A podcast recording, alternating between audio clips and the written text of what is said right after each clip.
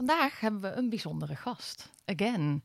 René Hoksbergen is vanaf 1984, mijn geboortejaar, bijzonder hoogleraar adoptie en sinds 2005 e- emeritus hoogleraar. Ik moest dat woord even opzoeken. Het betekent in rusten, maar toch is hij heel druk, begreep ik toen ik hem belde om een afspraak te maken om elkaar te spreken in onze podcast. Maar ook zei René meteen ja op mijn vraag of hij met ons in gesprek wilde, want zo zei hij: Je weet dat ik donorkinderen een warm hart toedraag.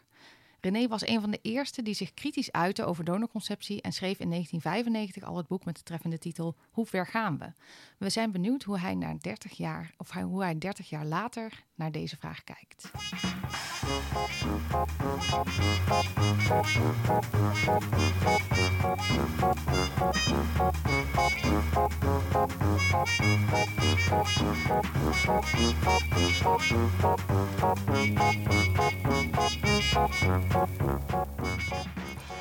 René, fijn dat we hier mogen zijn.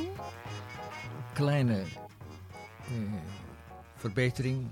Ja, Mijn graag. hoogleraarschap begon in december 1982. Ah, en, en daarna werd je hoogleraar adoptie, maar je was dus al daarvoor al hoogleraar. Nee, mijn hoogleraarschap adoptie begon Oh, eind, eind 1982 en ik hield in begin 83 mijn oratie. En toen sprak ik over, eh, natuurlijk over adoptie, maar ook over het donor eh, gebeuren in Nederland. Daar sprak je toen al over. Ja, Voor jouw geboorte is dat dus even. Ja, jeetje. Toen moest ik nog gemaakt worden, René. ja, ja het zij zo. Het is al heel lang, en, en is al heel lang eh, het geval. Hè, dus zeg maar, misschien al wel voor de jaren zeventig. En, en ik, ik heb, kreeg ermee te maken in de loop van de jaren zeventig van mensen die daarover spraken. En ook organisaties die worstelden met het feit van de donorinseminatie.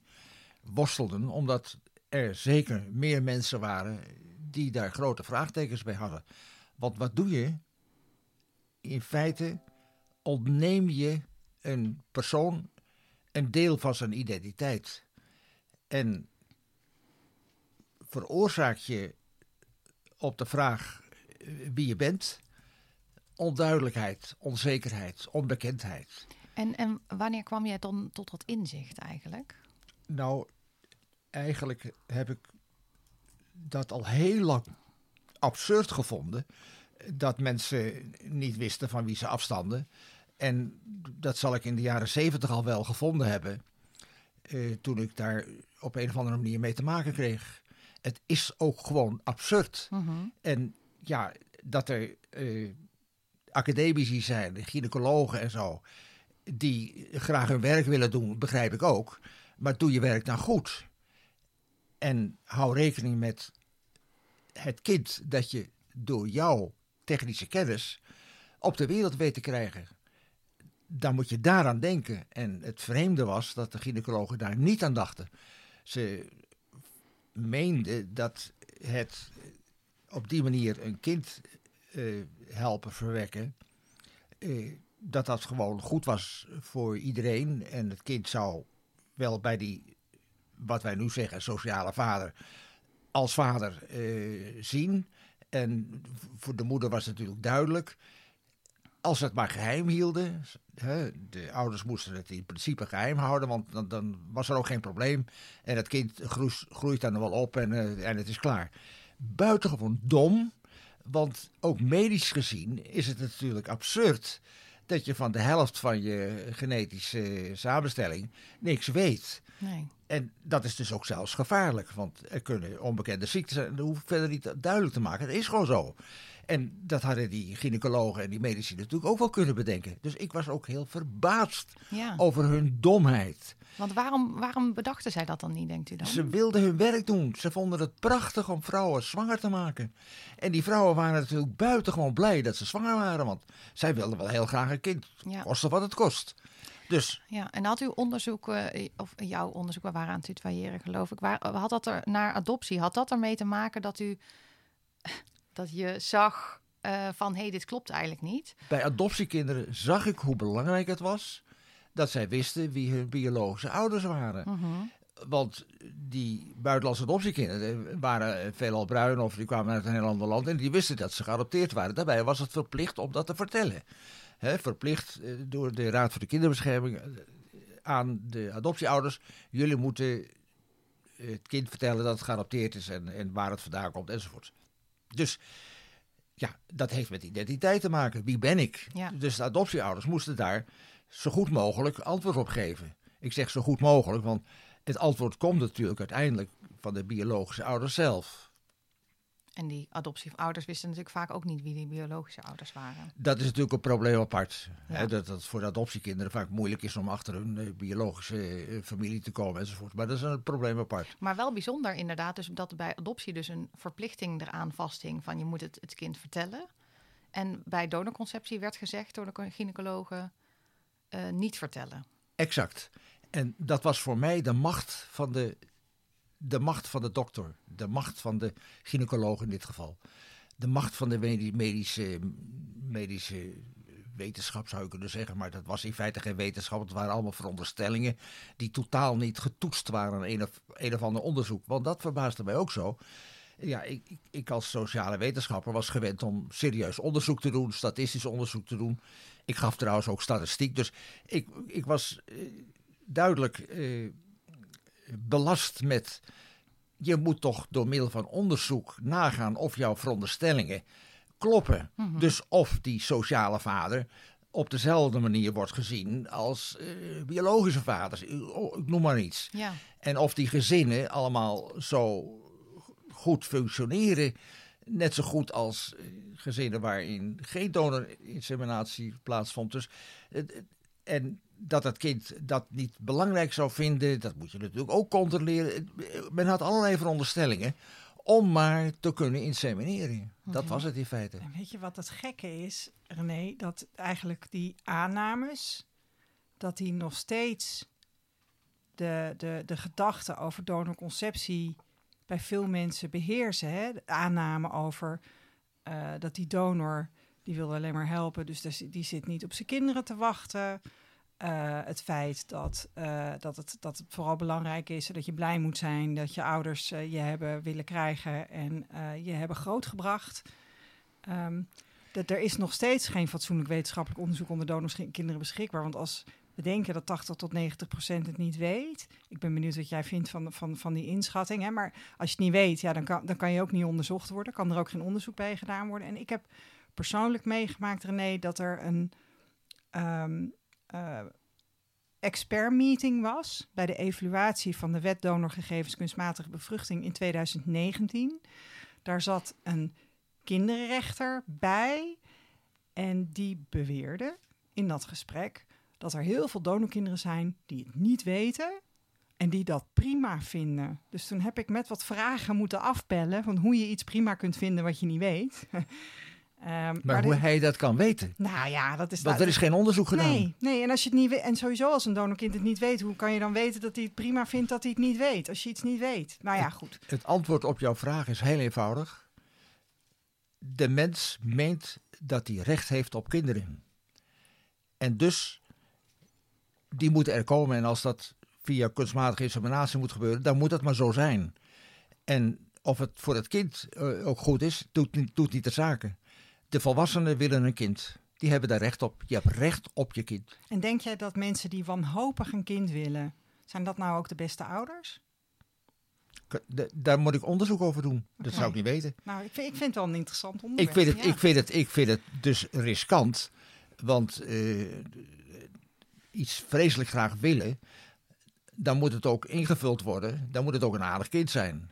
En stel dat het kind nog wat problemen oplevert, da- dan kan het wel eens heel erg tegenvallen. Maar dan moet je onderzoek naar doen. Ja. Maar Maar bij adoptie is daar bijvoorbeeld volgens mij wel onderzoek naar gedaan. Ja. Hè, dat er best wel veel kinderen Ja. bijvoorbeeld uit huis geplaatst Ja, zijn die, uit, eh, maar, eh, die geadopteerd zijn. Maar bij donorkinderen zijn dat soort onderzoeken helemaal niet gedaan.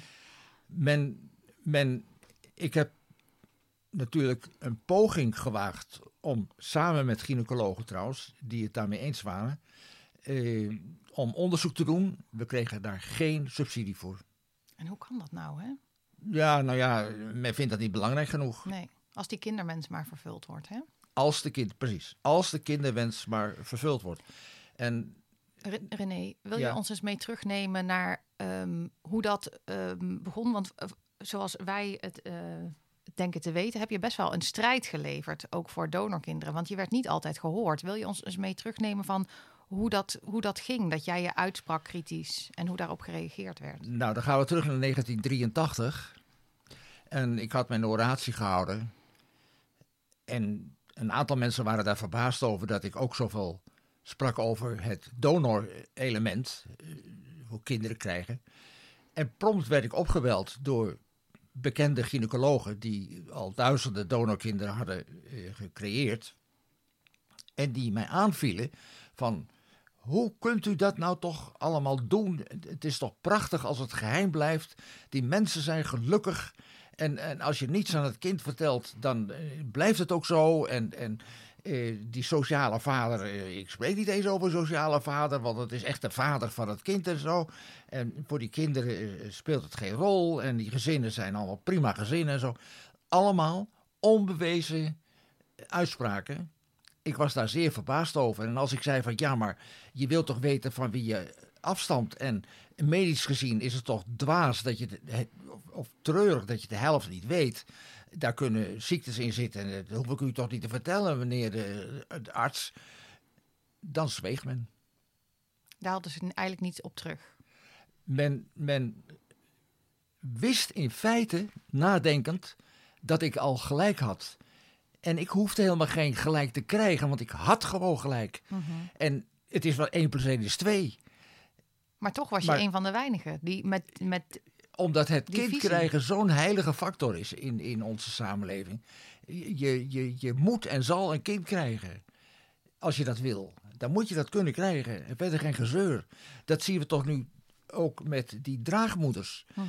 Precies hetzelfde. Natuurlijk is het via een draagmoeder geboren worden niet positief voor een kind. Dat is niet positief. Nee, want welke problemen zijn daar voor, hangen er voor jou aan? Nou ja, allereerst medisch gezien, tijdens eh, de zwangerschap, de eerste negen maanden, is er al invloed van de moeder op het kind. Ja. Dat is door medisch onderzoek, heel goed medisch onderzoek, is dat allemaal al lang vastgesteld. Dus ten tweede, je raakt in feite je moeder kwijt.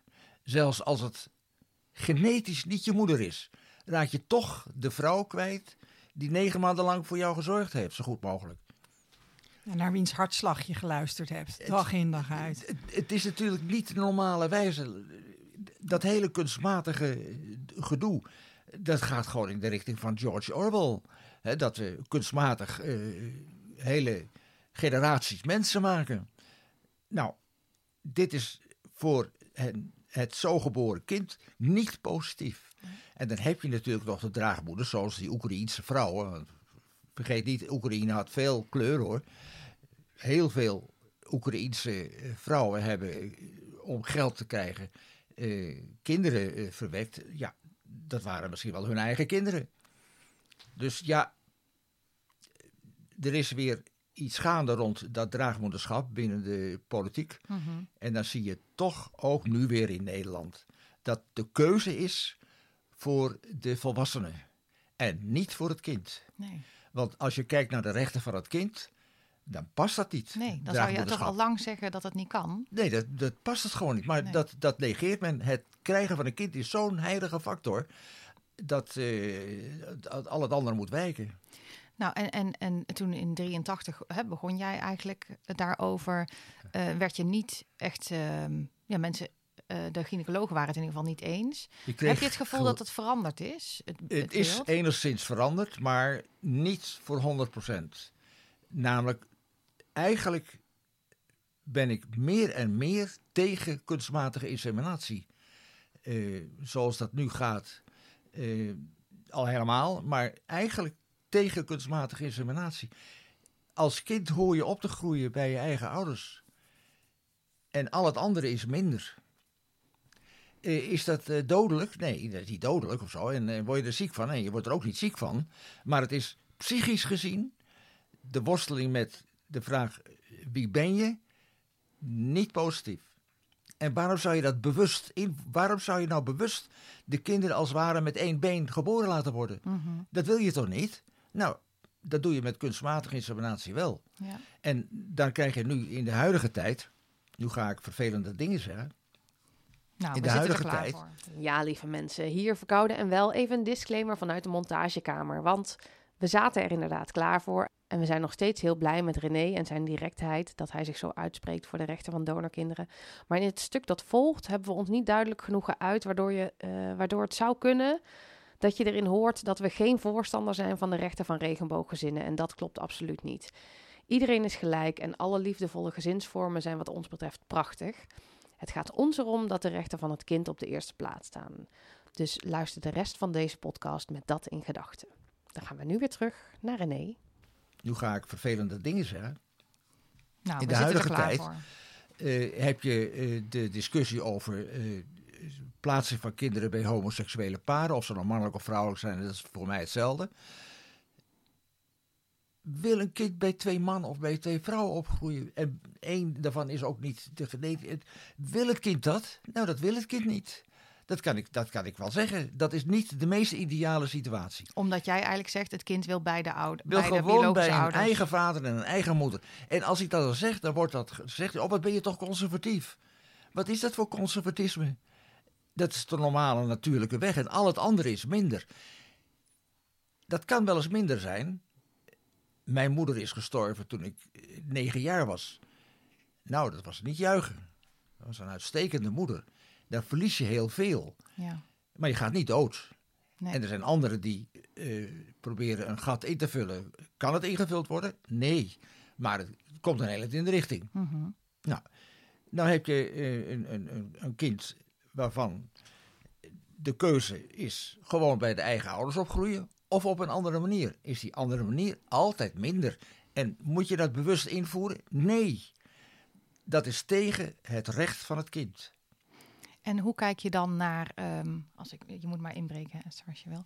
Eh, hoe kijk je dan naar, ehm, je hebt ook homostellen die dus een kind krijgen, bijvoorbeeld met een alleenstaande vrouw. Hè? Dan zijn alle ouders in beeld, maar dan heeft een kind een extra ouder. Ehm, Kijk, je kan natuurlijk altijd situaties creëren waardoor je, waardoor je denkt van nou, het, het, komt toch wel heel, een heel eind in de richting van het belang van het kind. Dus ik kan niet over al die situaties een uitspraak doen. Maar daar waar het. Ik, ik heb zelf eh, contact gehad met homoparen, want de vrienden van mij waren eh, homoseksueel. Dus op een of andere manier raakten wij in contact met eh, deze mensen. En toen heb ik wel eens gezegd van, als je nou zo vreselijk kinderen wil, waarom ben je geen pleegkind? ja. Met een pleegkind kun je een uitstekende relatie opbouwen. En heb je ook verder dat gezeur over identiteit heb je helemaal niet. Want identiteit, identiteit is bekend. ja. En jij hebt wel dat kind. En jij moet voor het kind zorgen. Hoera. Je hebt wel een ouderrol. Pleegouders hebben heel vaak een enorme band met hun, met hun pleegkind. Dat is gewoon bekend. Ja. Wij hebben trouwens zelf ook, eh, zeg maar, een, een, een- pleegzoon. En, en eh, zou je een pleegzoon kunnen noemen. In ieder geval de band met eh, deze nu ook al 60-jarige is uitstekend. Mhm. En hij zegt ook, ja, ik zie jou als mijn vader. Hij is, woont in Duitsland. Dus ja, eh, we hebben een beetje de ervaring zelf. Ja, dus- en ik. Maar het is gewoon bekend. En nogmaals, wat jij vroeg, je kan een prachtige situatie creëren waarbij je inderdaad gaat zeggen van nou, maar dan la- laat het dan gewoon een, een pleegsituatie zijn dan. Waarom moet er iets officieels, adoptie en zo, waarom moet dat? Ja, mensen willen toch heel graag een eigen kindje. Hè? Dat, is, dat is uiteindelijk waar ik, het op neerkomt. En Ik- dat ik zou beperkt kunnen worden. Ik, ik, ben, ik, ben, ik, ik, ik heb eh, overigens wel heel veel begrip voor iedereen met een kinderwens. En ik ben ook niet. Ben, ik, ik, ehm, van mij mogen kinderen ook best bij eh, homoseksuele stellen opgroeien. Maar volgens mij, wat, je, wa- wa- wat, wat ik jou hoor zeggen, als ik je goed begrijp, is dat een kind hoort op te groeien met zijn ouders in beeld. En het liefst natuurlijk in het gezin. Maar goed, ouders scheiden ook. Weet je, er kan, er kan natuurlijk altijd wat gebeuren. Maar het gaat erom dat je gewoon weet wie je ouders zijn en dat je bij ze opgroeit. Toch? En of dat dan Weet je, je kan, je kan ook een alleenstaande moeder hebben die met een buurman of een vriend. Of, hè, er zijn allerlei constructies denkbaar waarin je als kind wel opgroeit met ehm, beide ouders. Alleen dan misschien niet in de traditionele gezinsvorm. Wat ik al zei, er zijn allerlei eh, verzachtende factoren. En, en het, het kind zal later uiteindelijk kunnen zeggen wat hij of zij ervan heeft gevonden. En daar is geen onderzoek. We, we weten daar eigenlijk niks van. Nee, we doen alleen onderzoek onder kinderen. En die zeggen allemaal dat ze heel veel van hun ouders houden en dat het allemaal niet uitmaakt natuurlijk. En ze scoren ook gewoon goed hè, op, uh, op, op, op, op, op allerlei... Het gaat goed op school. Ja. ja. Je kan alleen maar onderzoek doen dat hier... Als je hier een uitspraak over wil, kan je alleen maar onderzoek doen onder echt volwassen uh, mensen die namelijk niet meer zich verplicht voelen om iets positiefs te zeggen omdat hun ouders nog leven. Dus in feite uh, kun je dat pas beoordelen als ze, als ze 30, 40, 50 jaar oud zijn. Oh, dat vind ik wel mooi dat je dat zegt, want wij merken dat ook veel. Hè? Dat ik heb zelf bijvoorbeeld pas vanaf mijn 28ste ben ik me een beetje hiermee bezig gaan houden, omdat ik daarvoor eigenlijk die vrijheid niet voelde. En en dat zien we bij wel meer donorkinderen eigenlijk. Precies. Hè?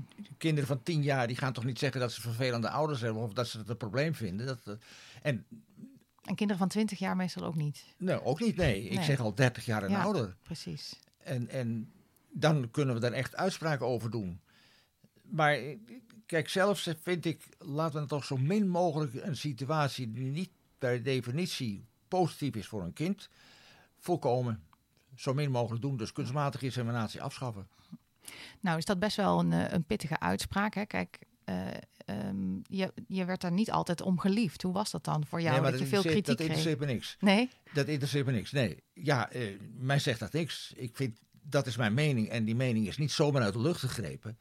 Uh, vanuit de adoptiewereld had ik heel veel ervaring met, met geadopteerden en met adoptieouders. En wist ik hoe belangrijk het was dat adoptiekinderen eh, meer weten over zichzelf, hun identiteit uh, kennen en dat ze het ook behoren te kennen en dat ze daarmee worstelden.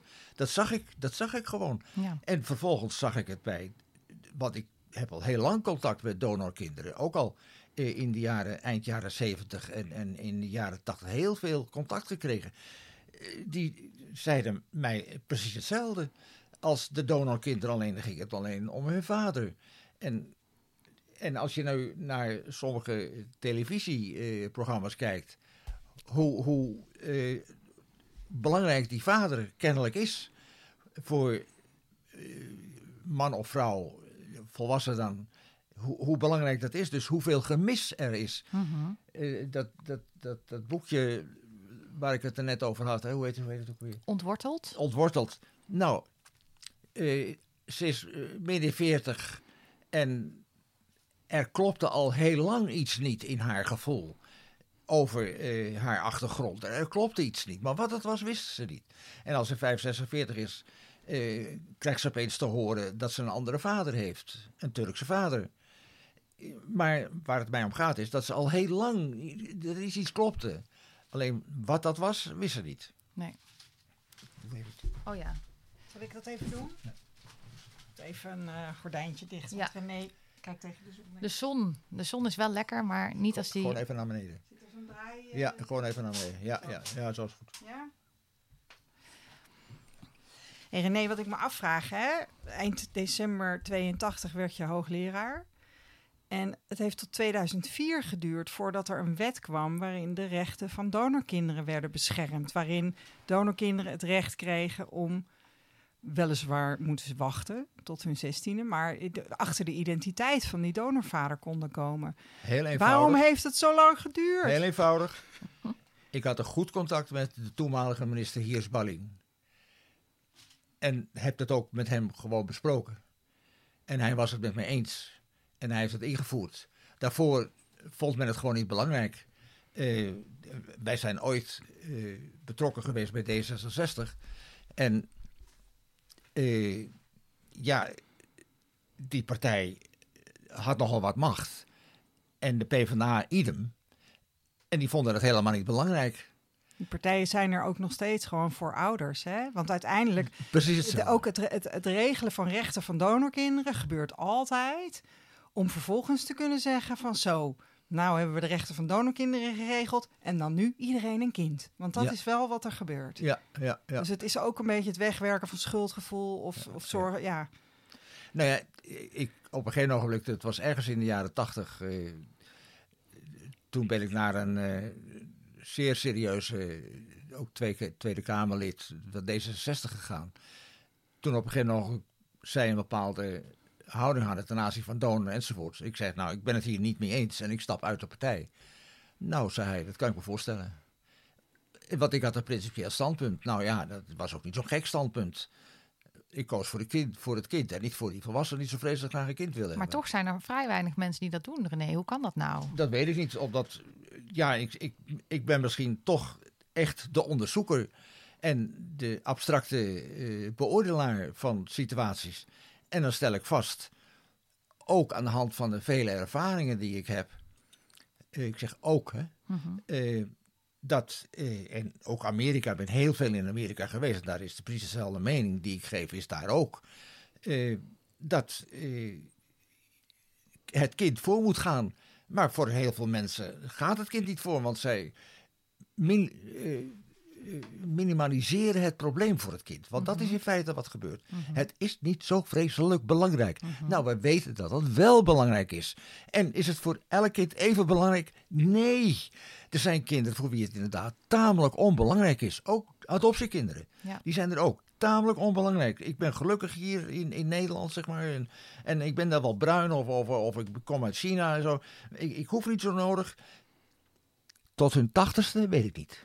Maar als ze 30, 40 zijn, kunnen ze dat al heel lang gezegd hebben. Ja. Je weet nooit wat er kan gebeuren Nee. ergens onderweg. Hè? Er kan altijd iets gebeuren. Ik heb zelf altijd gezegd, je kunt pas beoordelen hoeveel adoptiekinderen echt absoluut willen weten wie hun biologische ouders zijn. Als je een groep neemt, bijvoorbeeld van drie jaar lang, zodat je nog niet ook niet een jaar eh, probleem hebt. 80 jaar later, Ja. Als ze bij, bijna dood zijn, Ja. wie is op zoek gegaan en hoe is dat gegaan? Ja. Dan kun je het pas goed beoordelen. Ook nu nog niet, want we Nee. hebben, dit hebben we nog nooit gedaan. Nee, dat is een goed punt. Dat hebben we nog nooit gedaan. Maar we weten nu wel uit onderzoek dat eh, zeg maar 40, 50 of 60 procent, eh, dat soort getallen hoor je wel, eh, op zoek gaat naar de biologische ouders. Meer dan genoeg dus. Hè? Dus Mhm. niet 1, 2 of 3 procent. Nee. Dus, dus ja, Maar ik denk dat het klopt wat jij zegt, dat mensen het wel bagatelliseren. De gevoelens van de kinderen. Tuurlijk. Ja, dat, heb- dat vind ik vaak ook het wonderlijke. Dat, ehm, ik ben zelf moeder. Op het moment dat, dat je kindertjes geboren worden, of eigenlijk op het moment dat ze al in je buik zitten, ga je dus voorkomen dat ze akelige dingen overkomen. Hè? Want je wil die kinderen beschermen. Je wil Dus ervoor zorgen. Je wil ervoor zorgen. Mijn taak is Tuurlijk. om, nou, ik, had, ik heb er dan twee, eh, om ze eh, af te leveren als eh, gezonde, zelfstandige, zelfredzame Ja. volwassenen. Ja. Eh, daarvoor moet ik ze beschermen, want in het begin Zeker. kunnen ze helemaal niks. Zeker. Ehm, en dan is het zo gek dat heel veel ouders voor het moment dat dat kindje in die buik zit, beslissingen nemen die helemaal niet in het belang van het kind zijn. Terwijl eigenlijk op het moment dat dat kind in je buik zit, zou je volgens mij zou je, zou je daar nooit voor kiezen. Ik, ben, ik, als voorbeeld een, een het gebruik van een buitenlandse donor. Of, eh, ja. Weet je, er zijn allerlei situaties. eh, Ja, een zaadje uit Spanje laten komen ja per of gewoon post. de grens over, de grens over naar België. Dan Ja, kan nee. het nog lekker anoniem. Mag, ik- mag ik een vergelijking maken? Heel graag. Een hele gekke vergelijking. Ik heb wel eens met alcoholisten te maken gehad. En een alcoholist is iemand die weet dat hij van die alcohol af moet blijven. Maar hij kan er niet vanaf blijven. Hij loopt er steeds weer naartoe. Dat is precies hetzelfde. Die mensen die kinderen willen, die weten au fond dat het, die weten, zullen het misschien niet vertellen, maar er, tenzij ze achterlijk zijn. Maar in hun hoofd weten ze erg dat wat ze doen niet helemaal klopt. Mhm. Maar toch doen ze het. Ja. Die alcoholist die weet dat het onverstandig is, maar toch zuipt hij. Ja. Precies hetzelfde. Het is die drang in de mens om iets bepaalds voor elkaar te krijgen. Of te nuttigen. Is dat iets maatschappelijks, denk je, René? Of is dat iets. eh, sommige mensen zeggen dat het iets biologisch is, natuurlijk. Nou, biologisch is het zeker. En maatschappelijk eh, wordt het minder. Want eh, we weten dat we op deze aarde met veel te veel mensen zitten. Dus het, het kinderen krijgen wordt niet meer zo heel erg. en zeker niet als je er meer dan twee of drie krijgt. Hè, als je er meer dan drie krijgt, dan zou je dat wel doen. Ik bedoel, daar is een verandering in. Maar vroeger was dat natuurlijk niet. In de jaren zeventig nauwelijks. Het rapport van Rome heeft wel enige invloed gehad, maar dat was ook pas eh, van van 1970 of 71. Hm. Dus laat dat antwoord op, zijn, op jouw vraag zijn. En Esther noemde al even de buitenlandse donoren. En toen vroeg ik me af, toen ik hierheen reed... ehm, vind je eigenlijk dat donorconceptie en, en adoptie dichter bij elkaar komen? Eigenlijk Qua door... identiteitsproblematiek is dat een goede vraag. Dat, is, dat, dat vind ik zelf. Heb het ook altijd eh, zeg maar even sterk bezig willen houden met donorkinderen, zeg maar donormensen, Mhm. als met adoptie, geadopteerden en adoptieouders. En soms ook biologische ouders, maar veel minder. Dus ja, heel vergelijkbaar. Want het gebruik van buitenlands zaad en buitenlandse eitjes Hm. maakt ook dat eh, donorkinderen ehm, ook voor hun afkomst ja, Naar elders moeten. naar elders moeten. En waar het misschien ingewikkelder is om erachter te komen wie dan hun biologische ouder is. Dan dat het in Nederland is. Zeker ingewikkelder. Zeker ingewikkelder. Want ja, sommige landen wel. houden het juist, zeggen juist geheim houden. Nee, daar, daar, zijn, daar zijn duidelijk eh, vergelijkingen. Wel is er natuurlijk een groot verschil. De moeder is de moeder. Nee, De biologische moeder is de verzorger. En bij adoptiekinderen zijn de biologische ouders elders, allebei. ja, maar de, bij ehm eiceldonatie... ehm, hè, daar worden ook kinderen Nee, tegenwoordig geboren. eiceldonatie, daar heb je helemaal gelijk in. Maar daar, daar had ik het even niet over. Oh ja, alleen maar over kunstmatige inseminatie. Ja, Nee, maar eicel is precies hetzelfde. Ja. Dat is precies hetzelfde. Dat is precies hetzelfde als, als, als, als adoptie. eh, kinderen. Alleen... Je hoort wel eens dat, Ja, eh, want jij hebt heel veel ervaring ook met ehm, ouders van adoptiekinderen. Hè? En, en, en er is Ja. natuurlijk geen fatsoenlijk onderzoek naar donorkinderen. En er is ook geen fatsoenlijk onderzoek naar ouders van donorkinderen. Ehm, die, eh, ehm, die, die, die enorme kinderwens. Ehm, je ziet vaak dat, dat donorconceptie als optie wordt overwogen voor adoptie. Heb jij, heb jij die ervaring ook? Hè? Van, Ja. jij wil eigenlijk Oh, een eigen kind. Zeker. Ehm, ja, en als dat, als dat dan niet lukt of niet Eh, kan, nee, dan, dan, dan wijken we uit naar, eh, nou dan meestal naar ik het heb daar heel buitenland. veel gevallen van eh, gehad. Van a- adoptieouders zeiden, ja, we hebben toch wel eerst donor ge- ge- geprobeerd. Maar om verschillende redenen. Dus Ja. soms ook omdat het niet lukte. Maar soms Ja. ook omdat ze andere ideeën erover kregen. hebben ze dat toch maar niet gedaan. Nee, dus donor en adoptie, dat, dat ligt dicht bij elkaar. Hey, en, en want is er onder ouders van adoptiekinderen, is daar veel onderzoek over hoe het is om een kind op te, op te, op te voeden wat niet van jou is, wat die biologisch niet van jou is? Ja, natuurlijk is, is er, er is op veel manieren onderzoek gedaan bij adoptiekinderen op, op, op, op, allerlei aspecten. In Amerika is het een, een zeer serieus, eh, eh, zeer serieus. eh, René doet een greep kijk, op tafel. Ja, ik heel tafel. veel boeken op tafel. De, in enkele weken geleden is uitgekomen Handbook, Handbook on the Clinical Treatment of Adopted Adolescents and Young Adults. En Waar ik- dat, is de, dat is de behandeling. Dus dat, dat gaat over. Waar ik het tweede hoofdstuk in geschreven heb in dit, in dit handboek. Maar, maar gaat dat dan over? Want de, treatment is dat dan de, de, de, de, als ze bij de Klinische behandeling, komen? klinische behandeling, klinische praktijk van. Ja. van en de, de, de mensen die dus dit boek hebben samengesteld, eh, dat zijn Doris eh Bertocci en eh, Christopher Deeg en Linda Meyers. Dat zijn allemaal geadopteerden, toevalligerwijze. Ja, mooi. Natuurlijk, niet, natuurlijk niet toevalligerwijze, maar het zijn geadopteerden, voor, zover ik het begrepen heb, alle drie.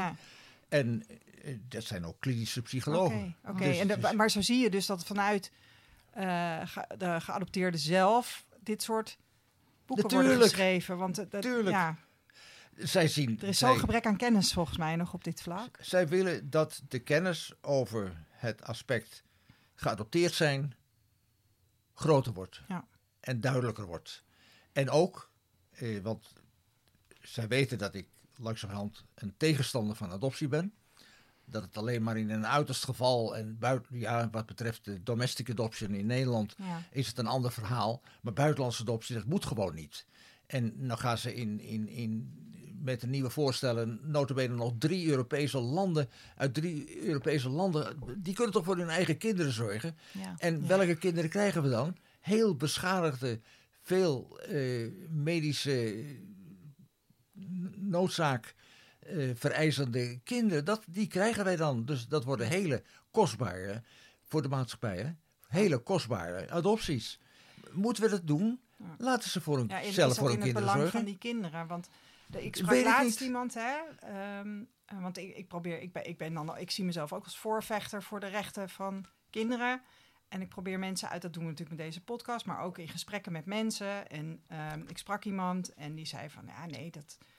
ehm, ik, ik, ik gaf aan dat, dat, ik, hè, dat ik ook eh, emotioneel ook diep geraakt word door adoptie en de problemen die bij Mhm. geadopteerden Ja. spelen. Dat ik me daar ook mee identificeer. Niet alles, weet je. Ik ben niet van kleur en, en er spelen bij mij andere dingen. Maar ik herken, ik, ik, ik, ik kan, ja, het raakt me. Als Ja. ik dat zie, dan, dan raakt me dat diep. En, ehm, dus ik was laatst ook met iemand in gesprek en die zei van... Ja, maar Esther, in Zuid-Afrika zitten 3 miljoen kindertjes in kinderthuizen. En ja, ik vind adoptie dus geen oplossing. Dus ik probeer dan te beargumenteren van... joh, weet je, als we, dat, als we die kinderen echt zo belangrijk vinden... dan zorgen we dat er daar in Zuid-Afrika goed voor die kindertjes gezorgd wordt. Maar dat doen we volgens mij ook niet. Ehm, In in India eh, kunnen we er ook nog een aantal miljoenen bij tellen. En in China Ja. kunnen we er een aantal miljoenen bij tellen. En in Nederland hebben we ook een heleboel kinderen in kinderthuizen enzovoort. Dat is alleen maar een argument om maar adoptie mooi te vinden.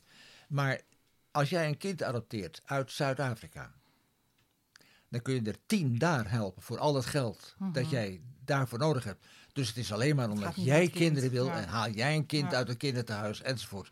En ik heb in India, ik ben een paar jaar in India geweest. Ik heb in kinderthuizen in India gezeten en, en dan, nou, dan schieten ook de tranen in je ogen als je die, die arme wezentjes ziet die er al oh, half Ja. dood li- liggen Ja. te gaan.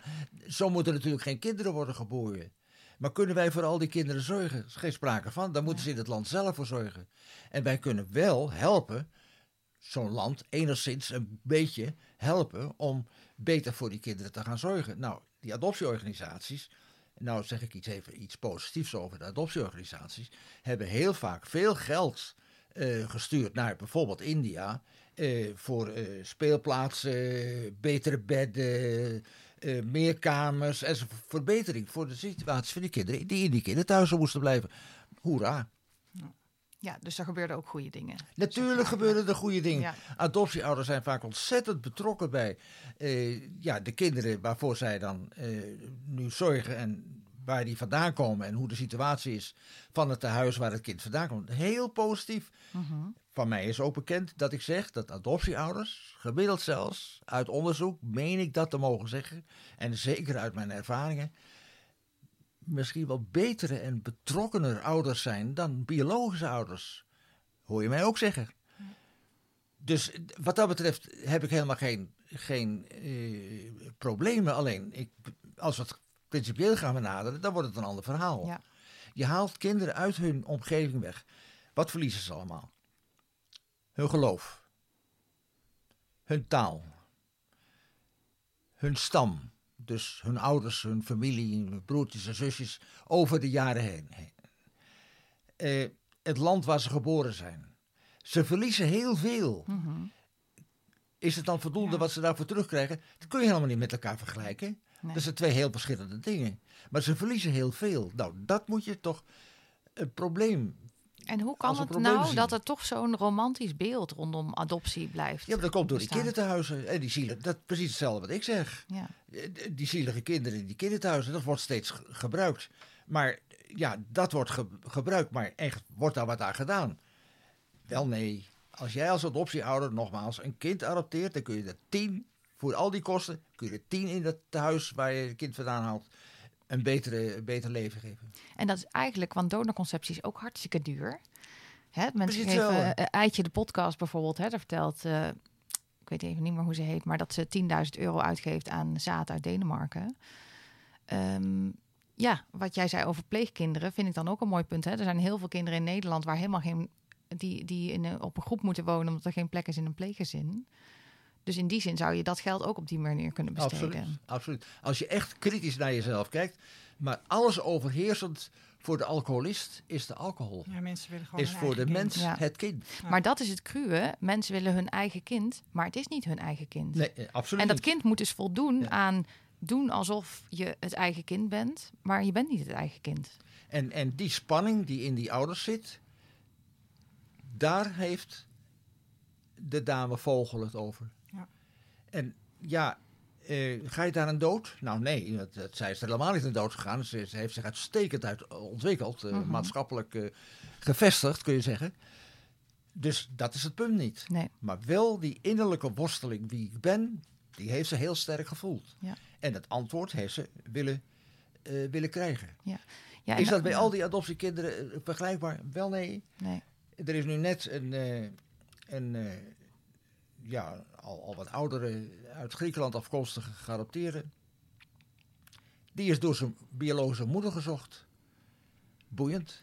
Er zijn dus ook biologische moeders of biologische vaders Ja. die op zoek gaan naar eh, wat ze Oh, verloren hebben in feite. Ja. Ja. Ik bedoel, het is dus een heel complex verschijnsel. Dat, dat wil ik eigenlijk alleen maar zeggen. Ik heb laatst gesproken, René, op een bijeenkomst. En dat hadden we aangekondigd, dat ik daar ging spreken. En eh, daar kwamen, daar kwam een, een, een, een eh, echtpaar naar mij toe, twee mannen. ehm, fans van de podcast. En eh, Henk, die zegt...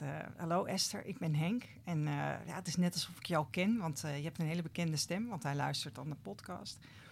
En ehm, die vertelt dus van ja, ik, ik wil heel graag weten wat er uit mijn donaties is gekomen. Ik ben donor Ja, nou, precies, ja. geweest en Ja. ik ben hartstikke nieuwsgierig. Ja, weet je, en, en, en, en eh, nou ja, zijn kinderen zijn in principe oud genoeg om informatie op te mogen vragen. Maar ik zeg, joh, die zijn er nog niet aan toe. Die hebben daar nog de ruimte niet voor. Weet je, dan moeten ze door hun ouders geïnformeerd zijn. Ehm, en ze zijn nog best wel jong, dus dat, dat, dat komt nog wel, dat ze naar je op zoek gaan. Ehm, en toen vroeg hij, vind je het gek dat ik die, dat verlangen heb? Zei, nou nee, lijkt, lijkt me volkomen logisch. Maar ik- Vanzelfsprekend. ja, toch? Dat is toch, dat is toch Volkomen vanzelfsprekend? Het is verbazingwekkend als men dat niet zou hebben. Ja. Dan, dan, dan beschouwt men eigenlijk al dat gedoe wat men, eh, toch wel als, als heel oppervlakkig, Ja. als bij wijze van spreken klaarkomen. Wij, en, wij, en, wij, en meer niet. wij interviewen ook donoren hè, voor, voor Ja. onze podcast. Ja. En ehm, we hebben tot nu toe... eh, kijk, er zijn onwillige donoren. Ja. Eefje, heeft, Eefje, heeft helaas een donorvader die er niks mee wil. Die van mij is overleden. Ehm, maar er zijn, er, zijn, er zijn er die niet willen. Maar die mannen die wij gesproken hebben... die staan allemaal open voor contact. En allemaal op hun eigen manier. Hè? Zijn jonge mannen. Hè? Eh, nee hoor, de oudste is 80. Oh, Ja. Nou ja, 80, dan, dan doe ik Nou ja, dan iets te 75. kort. Hè? Boven de 75. Ja, ja. ja. kijk eens. hoor, ze Dat zijn er. een van de eerste. Maar we vinden ze ook, hè? Ja, we vinden ze nu ook met DNA en stamboomonderzoek. Ja, natuurlijk. Ze zijn Dus, niet eh, meer onbekend. Nee, nee, nee. Uiteindelijk, eh, als je, als je wil vinden, dan... Wat, wat, wat vind je van die ontwikkeling? Want eigenlijk is dat een manier voor donorkinderen om zelf het heft in eigen hand te nemen. natuurlijk. Net, wat, ik, net wat, wat, wat mijn vrouw ook zei van... eh, eh, al is de kunstmatige inseminatie nog zo snel... De DNA achterhaalt dan wel. Natuurlijk is het zo. Door de moderne ontwikkeling en de technische ontwikkeling... eh, is in feite dit hele probleem achterhaald. De, je kunt weten wie je ouders zijn. Maar het is alleen wel een rotklus, hè René? Je moet dus wel echt gewoon moed hebben. Doorzettingsvermogen, want het, het komt je niet aanwaaien. Weet je wat ik vind hierbij? Dat de samenleving eigenlijk verplicht is om bijvoorbeeld de kosten voor DNA-onderzoek te betalen. En daar ook enige hulp bij te geven, zodat men Ja.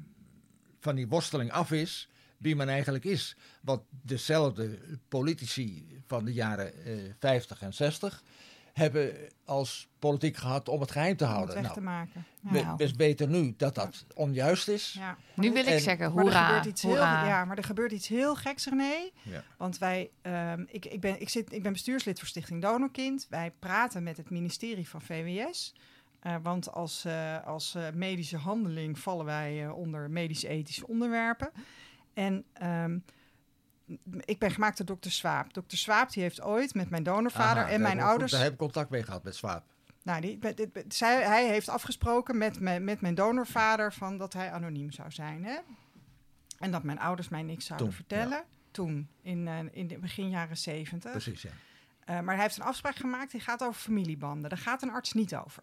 Een arts is, weet je, hij is geen jurist. Hij, hij gaat hier niet over. Hij gaat niet over mijn familiebanden. Maar hij heeft die afspraak gemaakt. En ik kom nu bij VWS. En VWS vindt nog steeds dat wij niet op deze manier vaders mogen vinden.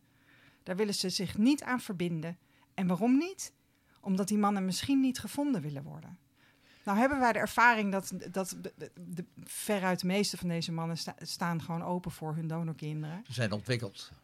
Tuurlijk, die zijn ook meegegaan met hun tijd. Ja. En die hebben niet toen voor, voor, voor anonimiteit gekozen. Hè? Dat was gewoon een voldongen feit. Je kwam bij de dokter, je wilde helpen en er was één voorwaarde. Het was wel anoniem, dus je had ook als donor in die zin niks in de melk te brokkelen. Maar er is dus nog steeds bij VWS de weet, opvatting... Weet je hoe dat komt? Weet je hoe dat komt? Dat die afspraak van die arts, die die helemaal niet had mogen maken... dat, zij daar, dat de minister, die staat Nee. daarachter. Weet je hoe dat komt? Omdat ambtenaren vaak, niet allemaal, maar vaak, en politie ook, bang zijn. Bang zijn dat ze op een of andere manier juridisch aangesproken Ja, kunnen worden. aansprakelijkheid en geld. Dit gaat dus ook over geld. En maar ik praat nu over de juridische aansprakelijkheid. Ja. Ja. Daar zijn ze bang voor. En, en er is op dit moment ook eh, bij buitenlandse adoptiekinderen het probleem van de re- weggeraakte dossiers. Ja. En, en de staat wordt aangeklaagd enzovoorts. En dan is ook weer het punt van, dat had helemaal niet gehoeven. Als je met elkaar in gesprek Ja. gaat en zegt, wat is het probleem en hoe kunnen we het probleem verminderen of misschien zelfs oplossen, dan ben je er. Maar nu worden het rechtszaken. Nou, wat, daar, wat daar gebeurt is afschuwelijk. Dit Want, is dom. want minister Weerwind geeft die donorkinderen gelijk. En gaat wel tegen zijn cassatie. Hij maakt Ja. mensen gewoon persoonlijk kapot. Omdat hij door zijn ambtenaren. eh, ik ben vier jaar lang heb ik een hele hoge functie gehad in Den Haag. eh, bij eh, minister Pijs. Ik was zijn persoonlijk adviseur. Dus ik heb het een en ander gezien van de ambtenarij. Ik zeg niet dat ik deskundig ben, maar ik heb het een en ander van gezien. En ik heb zeker gezien de angst vaak van ambtenaren Mhm. om tot een beslissing te komen. Daarom duurt het ook vaak heel lang voordat er beslissingen komen. Want ze zijn vaak bang, oh, maar als, als ik daar het woordje dus zet en het moet zijn het, dan, dan, dan krijg ik alweer wat te horen. Dus dat is. En zo'n minister wordt gewoon gezegd wat hij moet zeggen. De, de ambtenaren bepalen het.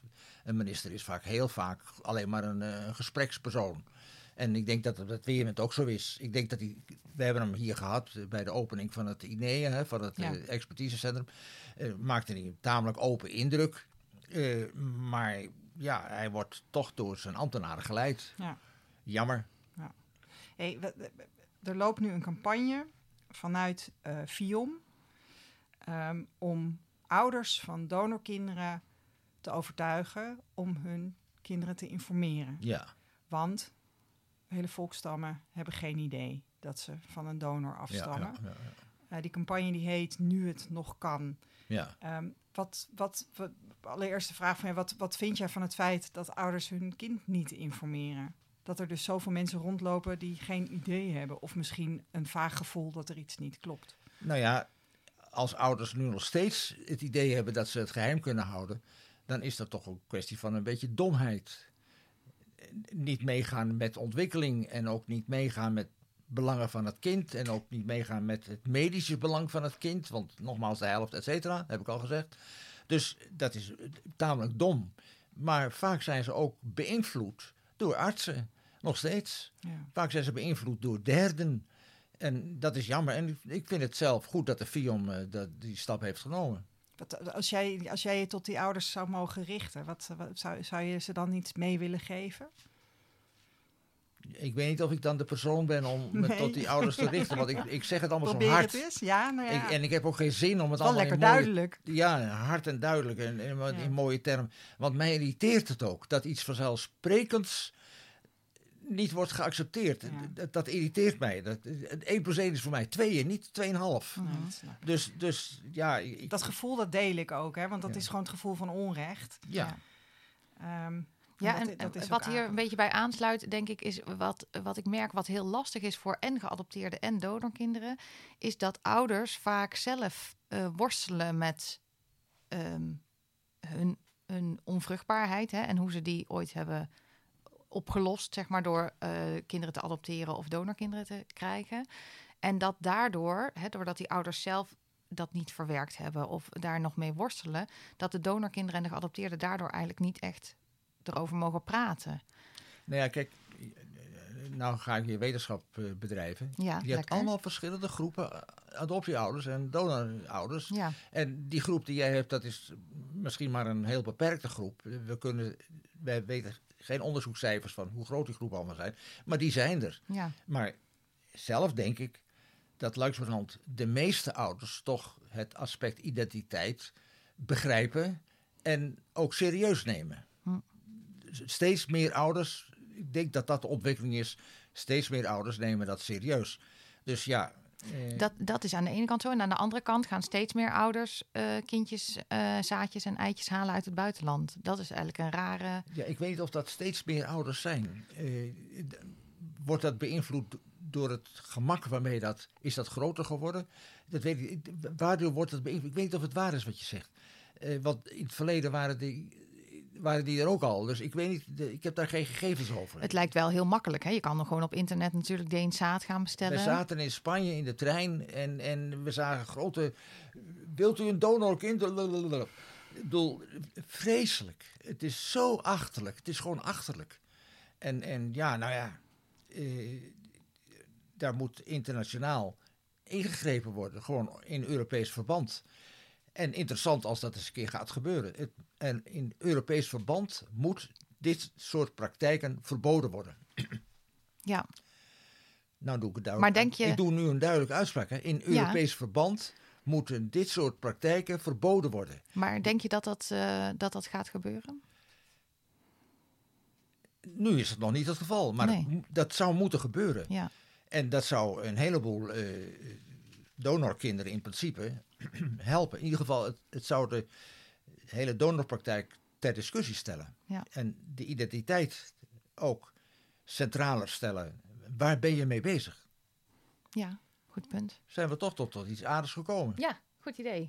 We hebben, Dit is het we moment. hebben een, ehm, eh, wij hebben normaal gesproken in de podcast hebben wij de twee minuten van Ties. En Ties ken je. Ties eh, Kruijs, die ken ik ja. eh, Ties, Ties van der Meer, die is Hij- eh, Ties- voorzitter. Ties- Ties- hij is zelf ook donor. eh, de Ja. Klopt. En wij zaten en hij is bij voorzitter elkaar. van Stichting Donorkind.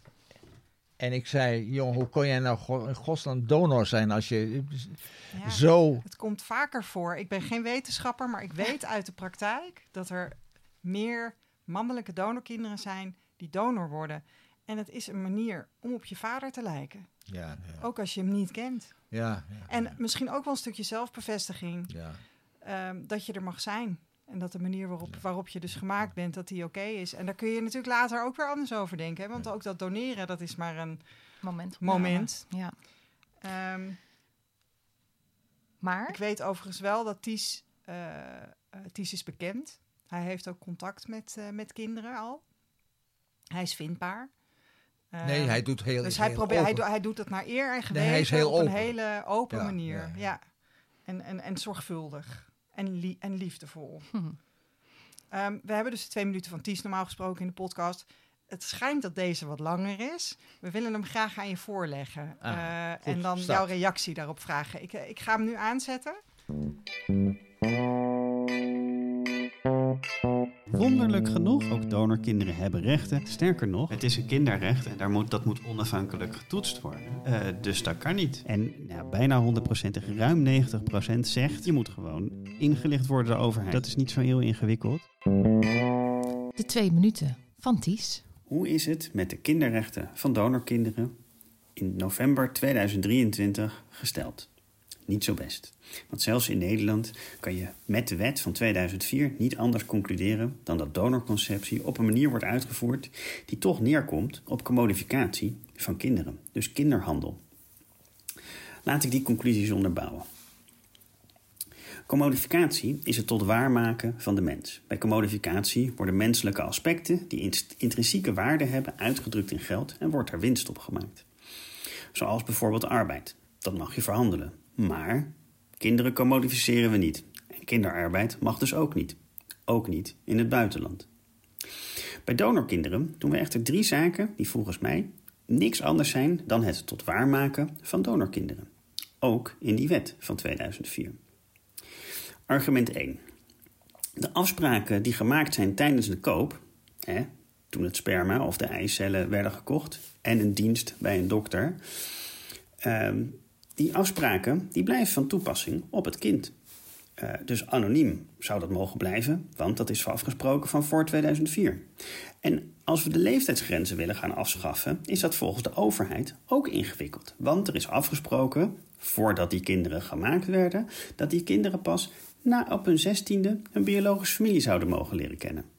Maar ja, als die afspraken dus ook na de geboorte van die kinderen nog van toepassing zijn, dan betekent dat eigenlijk dat donorkinderen geen mensen worden, maar eigenlijk nog steeds die gekochte sperma en eicellen blijven.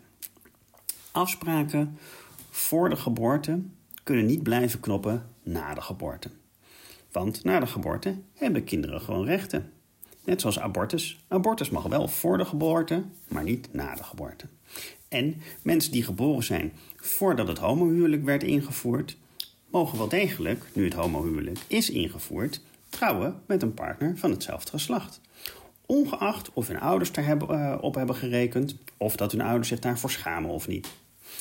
Het van toepassing blijven van de afspraken tijdens de koop van de sperma uh, of eicellen en daarmee mensenrechten inperken, is dus een duidelijke aanwijzing voor commodificatie, kinderhandel. En dat is niet het enige. Ongeveer de helft van het gebruikte sperma in Nederland wordt geïmporteerd uit internationale commerciële spermabanken. En daar betalen, of kunnen mensen betalen, voor extra informatie over de geschiedenis van de donor. Hoe was die als kind? Hoe was zijn familie? En wat voor medische informatie?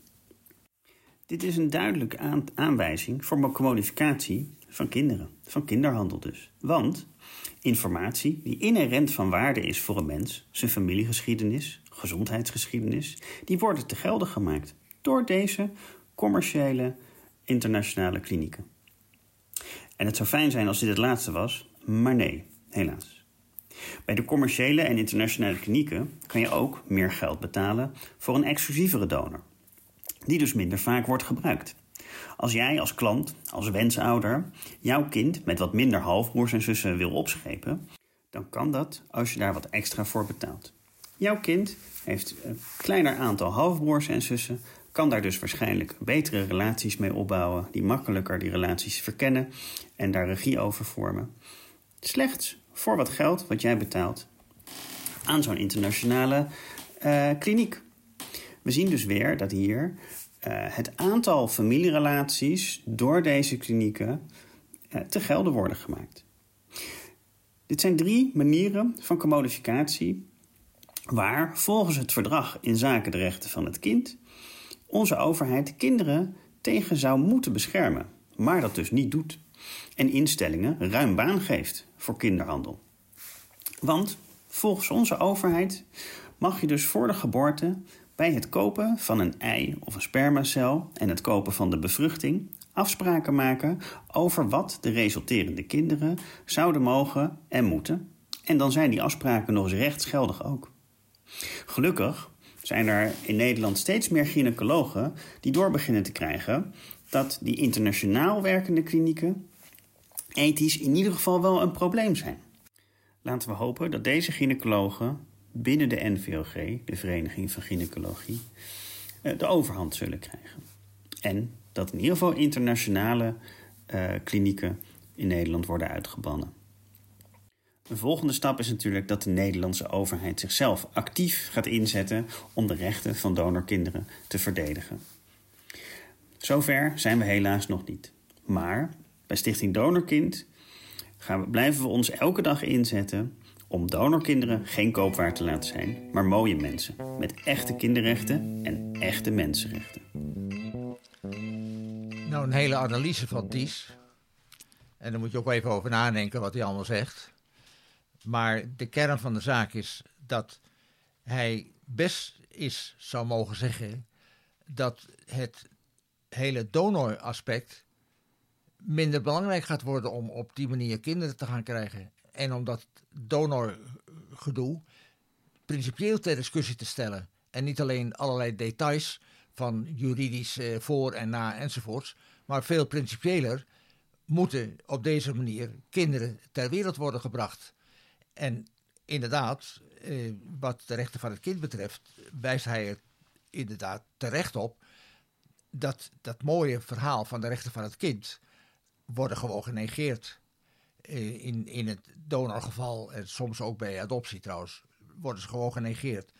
Wordt niet de rechten van het kind centraal gesteld. Dat is ook En- niet zo ingewikkeld, hè? want het kind heeft geen stem. Die, Ja, die meldt precies. zich over 30 jaar Maar dat is het precies ook. Het kind kan niks zeggen. Pas En dan is het een schandaal. Precies wat je zegt. Het kind eh, heeft niks te vertellen, want het is er gewoon nog niet eens. Ja. En, en die mensen die zo vreselijk graag kinderen willen, die, hebben, die, hebben, die doen hun eh, mond wel open. Heel luid. Mhm. Dus en ja, dat zijn de stemmers, hè? dus daar gaan de politieke partijen zich voor inzetten.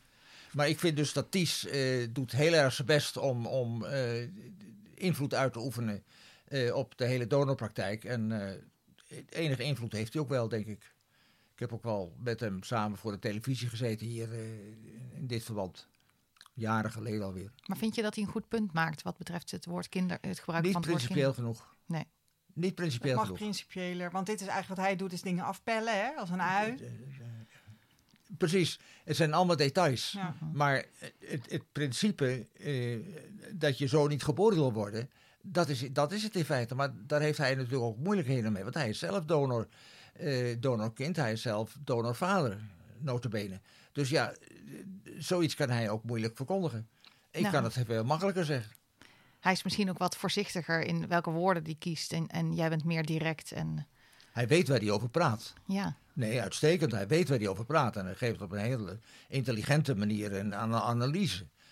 Eh, alleen, ja, ik, ik ga veel principiëler te werk. Eh, Ik zeg niet dat ik beter te werk ga. Ik ga principiëler te werk. Hm. En, en eh, wil eigenlijk van het hele donorgedoe af. En dat mensen zich realiseren dat, ze op, dat het op die manier kinderen krijgen. Dat dat niet de weg is. ja. En nogmaals, we zitten te springen om pleegouders in Nederland. Hoera! Nogmaals, je kan er een uitstekende relatie mee, mee krijgen met, een beetje ple- met je pleegkind. Misschien wel beter dan met dat gedeeltelijk onbekende donorkind. Dat weten we dus nog niet. Dat moet nog onderzocht worden. Misschien, zei ik. Misschien, maar eh, precies, dat is... Dat is eh, maar dat er nu opnieuw, ook door jullie, veel aandacht aan wordt gegeven. Hoera, zo werkt het. Dankjewel, René. Zijn er nog dingen die we, waar we het nog niet over gehad hebben, waarvan je zegt dat is wel nog belangrijk? Nou, we hebben het over een aantal zaken principieel gehad. En er zijn altijd dingen waar je het niet over hebt. Maar eh, laten we het hier maar bij laten. We hebben duidelijk, ik heb duidelijk gezegd wat ik vind van bepaalde zaken. Heb ik de wijsheid in pak? Heb ik ook niet in pak. Maar ik denk wel dat ik centraler het kind stel. En niet ouders die geen kinderen kunnen krijgen. Hey, eh, even, ik heb nog wel een vraagje. Dat mag hoor, wel. even. Ah, is, nog er, een is, er, is er een opvolger voor jou? Nee, Is er sowieso geen hoogleraar adoptie meer? nee. Helaas. Ja. Die want, ja, je- ik Een oproep. ja, Ik Ja. heb er natuurlijk ook wel zelf heel sterk kleur aan gegeven. Hè? En dat is natuurlijk moeilijk voor, voor een bepaalde opvolger. Om, ja. eh, ik, ik was ook heel sterk, zou je kunnen zeggen, eh, ja, emotioneel bij mijn onderwerp betrokken. Hoewel ik als statisticus Ja. serieus onderzoek heb Ja, gedaan. precies. hoor. Maar dat werd je ook wel eens verweten, toch? Dat je, dat je, dat je emotioneel zo betrokken was? Nee, dat weet ik eigenlijk niet. Of, of, dat weet ik gewoon niet. Of, of, Nee. of me dat verweten is. Maar eh, de hooguit kan je zeggen dat ik nogal eens duidelijk stellingen Mhm. neem. En dan, eh, ja, dan eh, vindt iemand altijd wel een punt waar je misschien geen gelijk in hebt. Of, of wat dan ook. Dus dat soort discussies. Maar dat is gewoon academische discussies. Nee, ik, ik, zelf vind dat ik juist heel veel van mensen met wie ik nu omga in mijn leven, nu ik zo oud ben, heel veel gelijk krijg.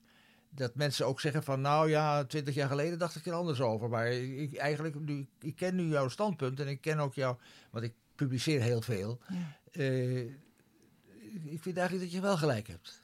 En, maar ik hoef niet gelijk te krijgen. Ik wil gewoon dat het verandert. Mhm. Ja. En, en, en, en ik heb dus, dus echt te doen met, met eh, de donorvolwassenen.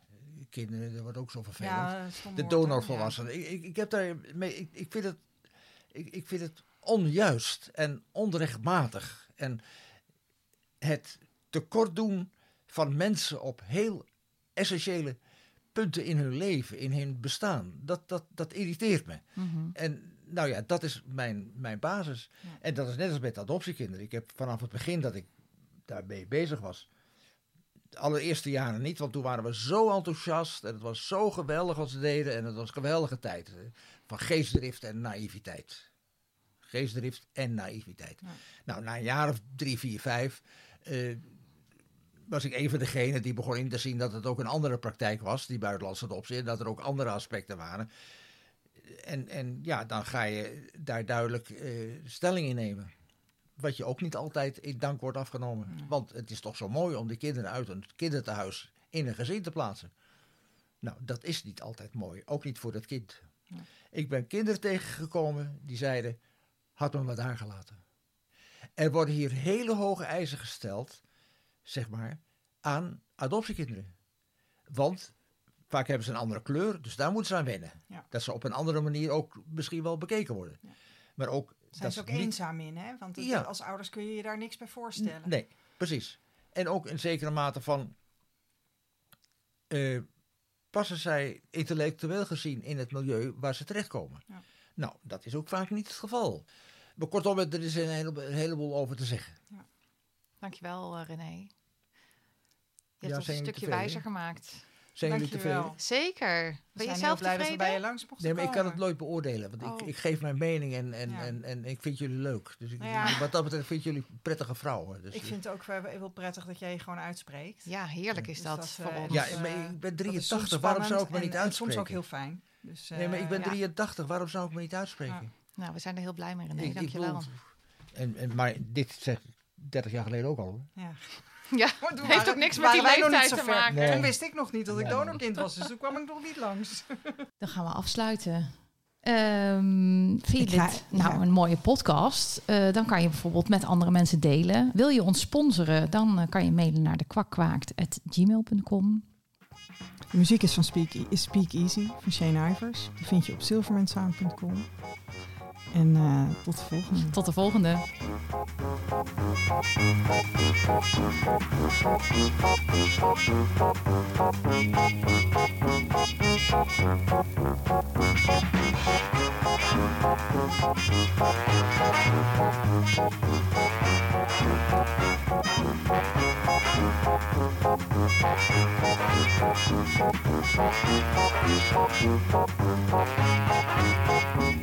Thank